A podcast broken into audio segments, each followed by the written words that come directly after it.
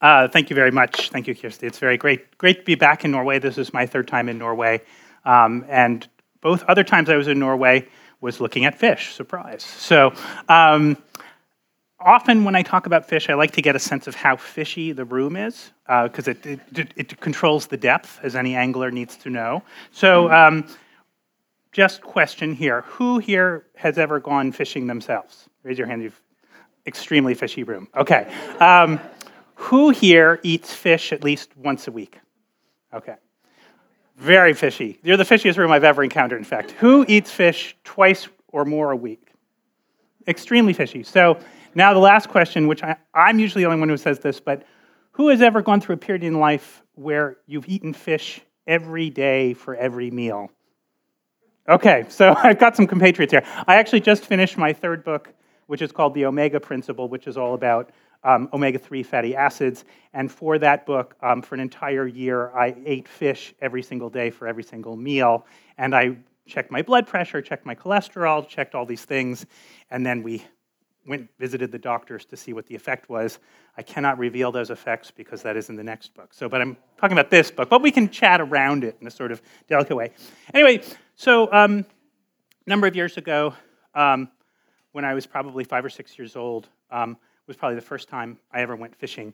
And um, it, I always think of fishing as kind of a recessive gene, that there's not everybody shares the fishing gene. Um, probably in Norway, there's, this gene is more dominant.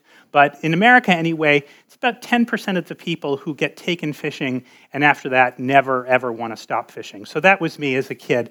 And when I fished um, uh, throughout, I lived in New York City and around New York City, and I fished in the waters surrounding the city. I eventually got a little boat when I was 13 years old.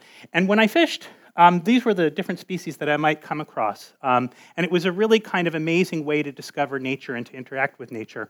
But, you know, as happens, uh, I hit adolescence, and as I think I wrote in my book, you know, when you hit 14, 15, you start thinking about um, creatures of, you know, of your same species, of the opposite gender that you might be attracted to, and these species start to fade from your memory. Um, but then as you kind of hit 30, 35, um, the desire to fish comes back again. And so I took this kind of hiatus from fish. But when I started fishing again in my home waters, uh, this is pretty much what I found that there had been this tremendous um, change in the fish that I was encountering on a daily da- basis in my waters. Um, and as I started looking around different fish markets, um, seeing what was on ice. By the way, who likes to just go to a fish market just for fun to look at stuff? Again, very fishy crowd. So I am a person who really likes to go to fish markets. So when I went to fish markets, um, and no matter where I was, New York, California, Paris, whatever, um, this is what I found. I found this repetition of these same four creatures on display. I mean, sure, there were other things on the margins, but these four creatures tended to dominate. And when I went beyond, you know, the confines of a kind of very fishy room like this to the non-fishy people, because we all as fish people know that there are these very non-fishy people who don't really relate to fish at all, uh, I realized that most of the world was seeing the world, the entire world of the ocean like this. That they were seeing not the species, but just what I came to think of as four flesh archetypes, right? You have your shrimp, which you have, you know, maybe a shrimp cocktail. You have your red, uh, steaky thing that could be kind of tuna, tuna or sushi or grilled or whatever. You have your pink kind of steaky thing that you would maybe smoke or bake, and then your white flaky thing, which you would deep fry and do different kinds of table uh, fare with that. So um, it got me to thinking that this endless repetition of four everywhere I went was maybe something reflective in other things that had happened in human history.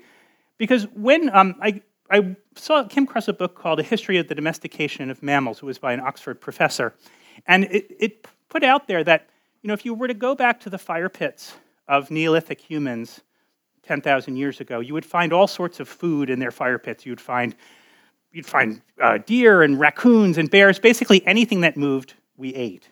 But telescope ahead to the age of modern animal husbandry, and you would find these four, right? Cows, sheep, goats, and pigs. And then as I started thinking about it more and more, um, I realized that this was not just true of mammals, it was also true of birds. I happened to um, have been um, meeting at the time with an author named Mark Kurlansky. Has anyone read Cod by Mark Kurlansky? So a few people have read him. So I was in Mark's office, and at the time he was working on a big book about oysters in New York City.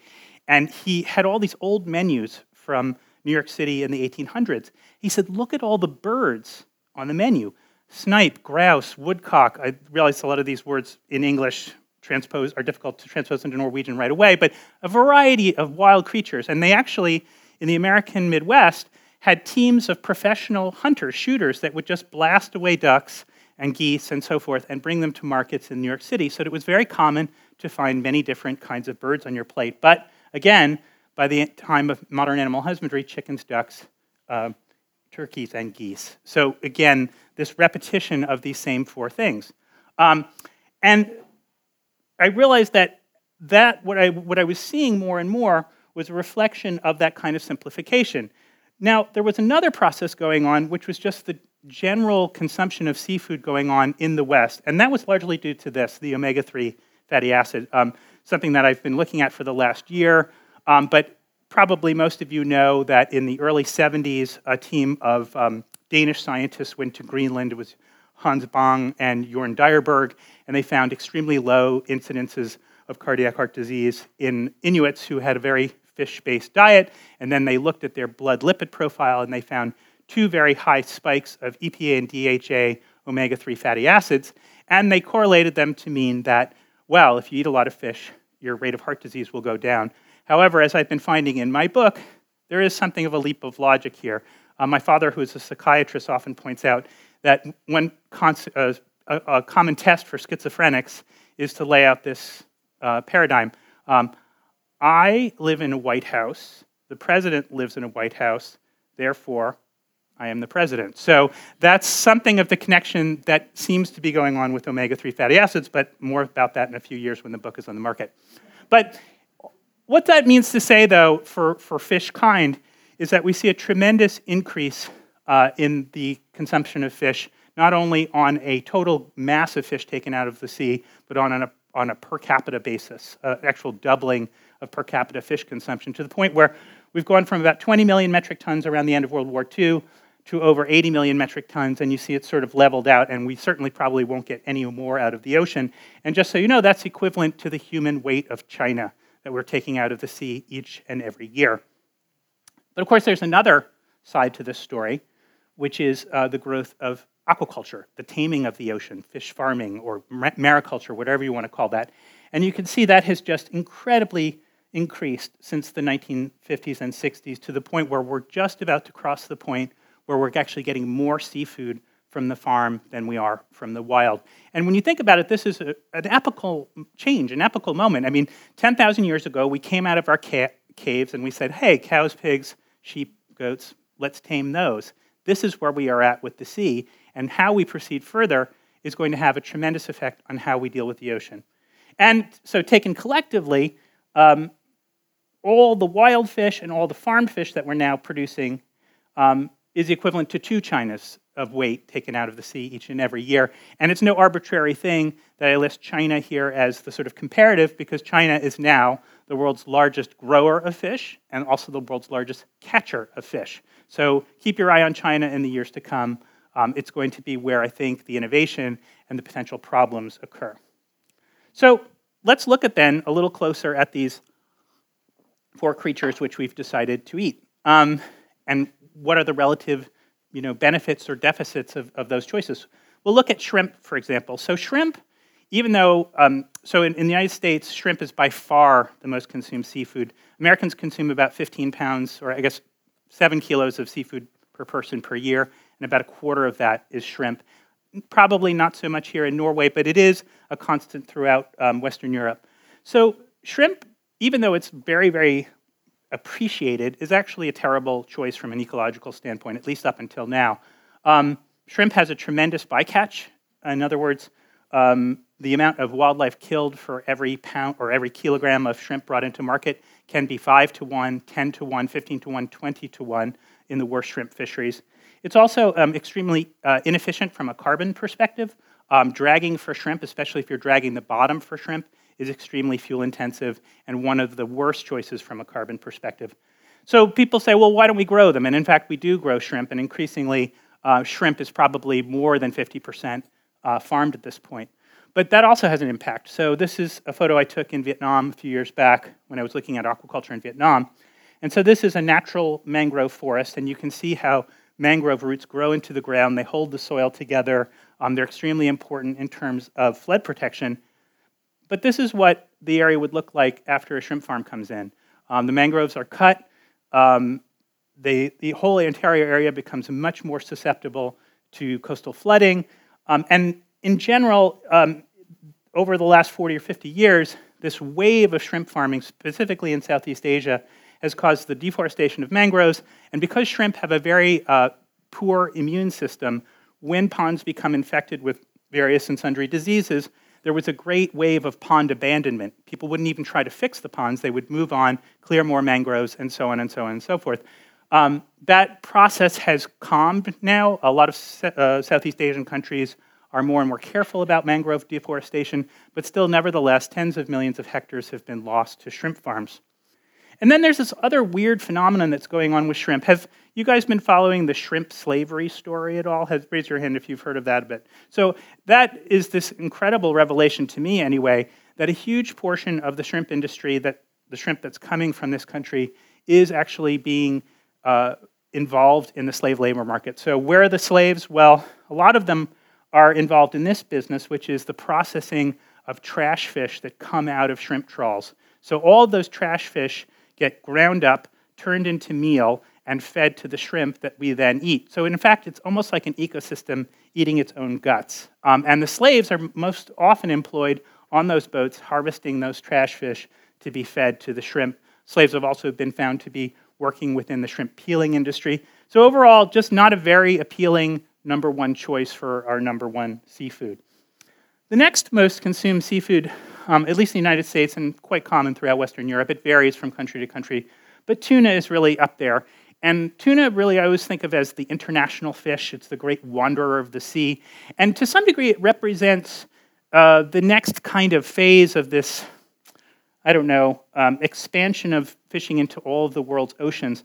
Um, Norway, Iceland, United States, UK, a handful of countries have gotten better and better at managing their coastal fisheries greater and greater control, greater traceability. But because this demand for seafood is so extreme and so vast, and because price points are so low, you'll see, the reason tuna has become such a huge part of the international fish business is that fishing companies seeking to escape regulation are going into the high seas, into these huge areas of water where tuna dwell, and they escape these coastal regulations of these sound managed fisheries. And so tuna becomes this sort of international low cost project. Um, you can see the vast areas, you know, there is management for tuna. Um, our particular area of management is called ICCAT. Um, it's, I think, the International Convention for the Conservation of Atlantic Tunas. Uh, my friend, uh, the great American conservationist Carl Safina, once coined the alternate uh, explanation of that acronym, um, the international conspiracy to catch all the tuna.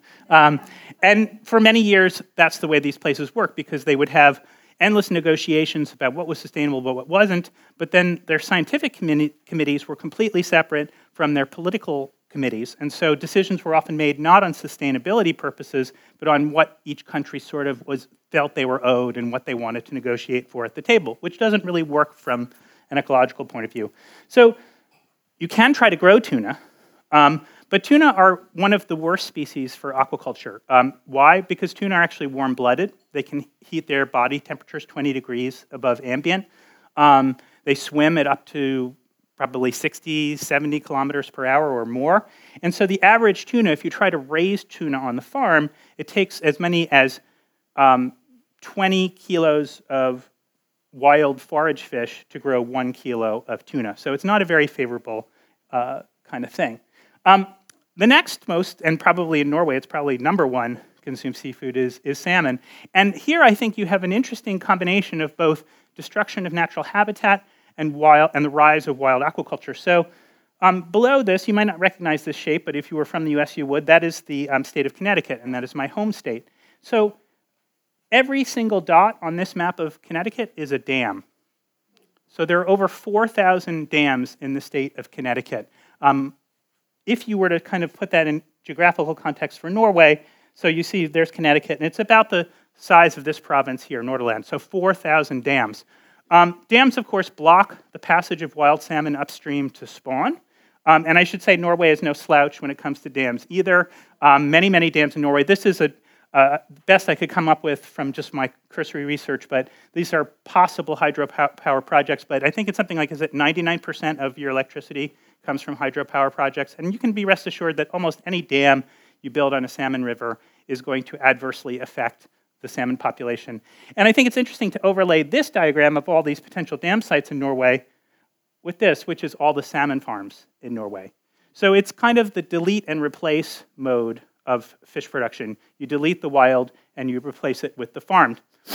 Um, the other issue, of course, is the amount of wild fish required to grow a pound of salmon. In the early days of salmon aquaculture, it could take as many as six pounds of wild fish to make a single pound of salmon. Sorry, six kilos for one pound, one kilo of salmon. Um, the industry, to its credit, has really reduced that. Um, we've gotten it below two to one. Some claim one to one, although I'm not sure really how that works. If it's one to one, doesn't seem to quite be ergonomically possible. But anyway, they've gotten it below two to one. Um, and uh, the problem is, though, the amount of salmon production that's going on just has grown and grown and grown. So even though per salmon, per, per pound of uh, forage fish per pound of salmon has gone down, the amount of salmon that we're producing has made more and more of a drain on the resources of the ocean. Um, and I should say, it's not just the salmon industry. Um, huge amount of these forage fish, uh, something like 20 to 30 million metric tons a year that we take out of the sea, a lot of it gets fed to chickens and to pigs and to your pet cat. Um, but the chicken thing is sort of an interesting thing because so chicken get fed fish, but then what happens in this weird feed industry that we have is that um, fish also eat chickens. Um, sometimes poultry feathers, leftover bones get ground up and fed to chickens. So I often posit this question Was there ever in the world a fish that ate a chicken that ate a fish. I mean, it sort of lends new interest to the whole chicken and egg question. Um, whatever the case, when you sum it all up, um, all the forage fish that we take out of the ocean every year is equal to an entire hum- human population of the United States, or about a third of a China. So it's quite, quite an impact. Um, the, um, the last fish on this particular plate is the white flaky variety. Um, I like to use the example of the filet of fish sandwich here in, uh, that we have in America. What do you call the filet of fish at the McDonald's in Norway? Do they also call it the filet of fish? I think so. Well, um, I, Trump calls it the fish delight, and we'll come back to that. That's, and it's his favorite sandwich. So, in any case, um, the filet of fish sandwich, when it first appeared in the United States, was made from halibut. Um, and they tried to sell it um, when the so so the way it happened is the person who came up with the filet of fish sandwich was in a, an area of the United States which was heavily Catholic, and nobody would come into the restaurant on Friday because you know Catholics supposedly are not supposed to eat meat on Friday.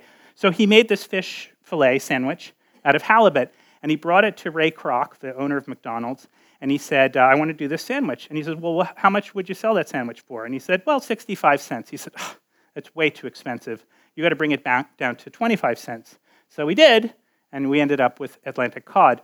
Now, the story of Atlantic cod differs depending on which side of the Atlantic you're on. In the United States, we are still in a cod crisis. Cod has largely collapsed throughout its range in um, northeastern North America.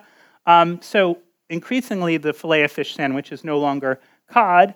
It's now Alaska pollock, or saithe, I guess you would call it, although it's a slightly different fish. But that is now the largest um, edible fish fishery in the United States, something like two to three billion pounds, or I guess uh, 1 billion um, uh, ki- uh, kilograms of fish taken out of Alaskan waters each year. But even that is proven insufficient. And increasingly, you're starting to see tilapia be the fish that is not necessarily in the fillet of fish yet, but if you go to like lower, lower rate uh, fast food places, the tilapia will defin- des- generally be the fish of choice. Um, tilapia is an interesting thing because it's entirely aquacultured. Um, I remember speaking to one aquaculture professional, and he told me the first time he'd heard the word tilapia, he thought it was a stomach disease. Um, but it's not a stomach disease. It actually grows very fast, um, goes from an egg to an adult in about nine months, which compared to a salmon is quite good because salmon is something like two years. Um, but the problem with the tilapia is it does not have particularly high levels of omega 3 fatty acid. So that leaves us to the question what should we eat? Um, and, you know, I don't know if Norway is like this, but certainly in the pre Trump United States, people were always saying, What should I eat? What, will can I eat that's good for me and good for the planet? Well, let's look at the options. So, the salmon industry here will always make the argument that salmon is a much better choice than the food that you've been eating. And certainly, salmon from a carbon perspective is much better than beef. Um, I think it's, you know, beef is probably one of the worst things you can eat from an ecological perspective. Many hundreds of gallons of water needed to bring a kilo of beef to market. Um, all sorts of energy and carbon in the form of corn and soy to feed it. So, yes, salmon is better than beef, but when you really compare all the different metrics, salmon is about the same as a chicken in terms of its load on the earth. And I think that we can actually do better than chicken. So, one option is this. I mean, you in Norway have been very good about eating this sort of fish, but the herring, the anchovies, the sardines, that, as I say, um, are largely ground up and turned into meal and oil and omega 3 supplements, are actually a very good choice. Um, they're extremely carbon efficient. Um, there was a paper out of Canada that came out a few years ago which compared carbon efficiencies of different fisheries, and they found that pelagic trawls that is, trawls that don't go along the bottom, um, that are focusing on surface level fish for some of these smaller fish, are really, really efficient in terms of carbon. Um, they're also very high in omega 3 fatty acids generally. So if you believe in the omega 3 fatty acid, this is also a very good choice. Um, another, though, more interesting choice, I think, are the bivalves, the so called mussels, clams, oysters, um, that a lot of people sort of eat as an appetizer but don't often think of as the main meal. But these are great choices because they are extremely high in omega 3 fatty acids, particularly mussels. Um, they're also extremely carbon efficient. Growing um, a mussel is about 30 times more carbon efficient than growing beef, so a great choice there. And obviously, it's very good as far as forage fish is concerned because you actually don't need to feed it anything. It grows fat and delicious and nutritious just by filtering the water, so it's a great choice. The other great thing about mussels is they actually clean the water. They actually make the water cleaner as they feed us, which increasingly is becoming an, a very, very important thing as we're starting to see um, the rise of anoxic or hypoxic dead zones that are areas that where too much nitrogen has gone into the water, spurring algal blooms, the, algal, the algae die, oxygen is sucked out of the water as those algae die. So unless we reduce the nutrient load, in those um, in our estuaries, we're going to have more and more of these coastal dead zones. Um, speaking of which, another good choice would be turning to sea vegetables like kelp. Um, kelp is even more efficient at um, removing nitrates and phosphates from the water column. Um, increasingly, another interesting thing is that you know right now, I think most of the world feeds their cows um, and their other terrestrial livestock with soy and corn that require all sorts of fertilizer that cause all sorts of problems in river systems but if you feed them on things like kelp, um, I've very early reports say the taste is excellent, health of the animals is excellent, so this might be something that we can choose. And then the last thing is the quest for the perfect aquaculture species. And what would that species be like, and what would that system be like? Well, first of all, it would be ideally vegetarian. In other words, we're looking for a net gain of marine protein, a fish that um, doesn't require other fish to grow nutritious and delicious for us. Um, and increasingly, those possibilities are starting to abound. Um, there are more and more aqua, aquafeed companies that are using algae in their feed. Um, just recently, I was speaking with um, a senior manager of the company Cargill, which, you know, whether you like or dislike American agribusiness, it's interesting to talk to them because they are presently uh, finishing trials on a genetically modified rapeseed oil, which actually can grow omega 3 fatty acids on the land that are those same fatty acids that fish need and that supposedly people need. And those same fatty acids can be put into aquafeed, again, obviating the need for forage fish. Um, so we want a fish that's fast growing because we want to get them in and out of the water as quickly as possible to be the most efficient as possible. If we were to move fish out of the open ocean onto land, which I know right now in Norway is a huge problem, the question around um, sea lice and the infectious diseases that farm salmon might spread to wild salmon. If we want to move those fish out of the open ocean and onto land, we want a fast growing animal to make it more energy efficient so that we can use land based systems. Um, we want it adaptable because we are, in, you know, in spite of what my new president says, um, we are in, engaged in an incredibly uh, dynamic, changing area of climate change right now. So we need a fish that's going to be able to survive um, very, very dynamic conditions. Um, and ideally, Again, whether you believe in omega 3 fatty acids or not, um, you want it to have an oily fish profile. You don't want it to be a tilapia, which is just a sort of bland white fish that doesn't necessarily carry any more nutrition than a chicken. So, the theory behind all this so, this is what we started with. Um, if we switch to this, then hopefully we might have a little bit more of this. So, normally this is where I end my talk, but because we're in this bizarre new world, my special Trump appendix for my European friends. So, I'm a little bit, you know, kind of off kilter on this one because anyone who's interested in the environment has been completely thrown for a loop. Um, I was, well, I was going to put a slide in here. Who has ever seen the film Apocalypse Now by um, Coppola? So a few of them. I, I didn't put this slide in. I, a because whenever you put video into a PowerPoint, it crashes the computer. But there's a scene between um, uh, Kurtz and Martin Sheen and Kurtz is the insane colonel who's gone mad and slaughtering everybody. And uh, uh, Sheen says, We've removed, the, I have orders to remove, remove me because your methods are unsound.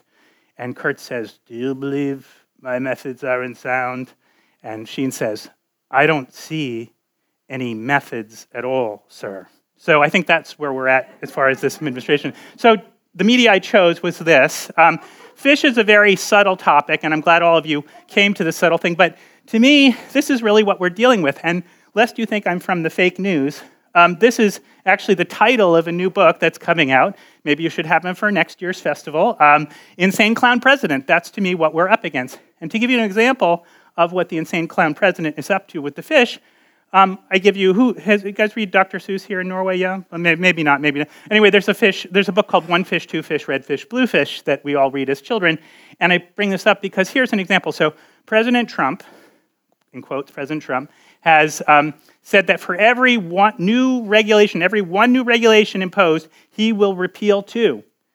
This is insane for a fishery. Federal fisheries require constant regulation and re regulation to open, to close, to mitigate, to stop. If they do this, you can't possibly manage a wild fishery. If somebody, if we, okay, federal regulations say the widow rockfish is overfished, we got to close it. Okay, two more, two more regulations banned. There's no way we can possibly manage our fisheries. And why is this going on? conspiracy theories abound. Um, I bring you back to the omega 3 fatty acid, and this is just a personal pet theory of mine. So, if you look at the areas that voted for Clinton, these are all omega 3 areas, right? I mean, look at it. it. It's, kind of, it's kind of amazing. And then you look at Trump's America. Come on. I mean, these are not fishy places. And in fact, these are places where the omega 6, ah, the evil omega 6 lives. And the omega 6 is, is a competing fatty acid in the metabolic process. If you have omega 6 present, at the same time as omega 3s. Omega 6 will overwhelm cells, causing them not to elongate fatty acids and make them healthy, and instead lead you down a path of dreaded inflammation. In America, everyone is afraid of inflammation. And lest you think that I'm just paranoid, the labor secretary, which fortunately was just recently withdrew his nomination, is the um, head of uh, Carl's Jr. and Hardee's, which produces these great uh, meals, which are extremely high in omega 6s. So that to me is proof that this, you know, you might think it was the Republicans that beat the Democrats, Trump that beat Hillary, but it really was omega 6 that beat omega 3. so, what is this, what does this bode for the future? We don't know. Um, but we do know that, as I said earlier, President Trump's favorite sandwich at McDonald's is what he calls the fish delight.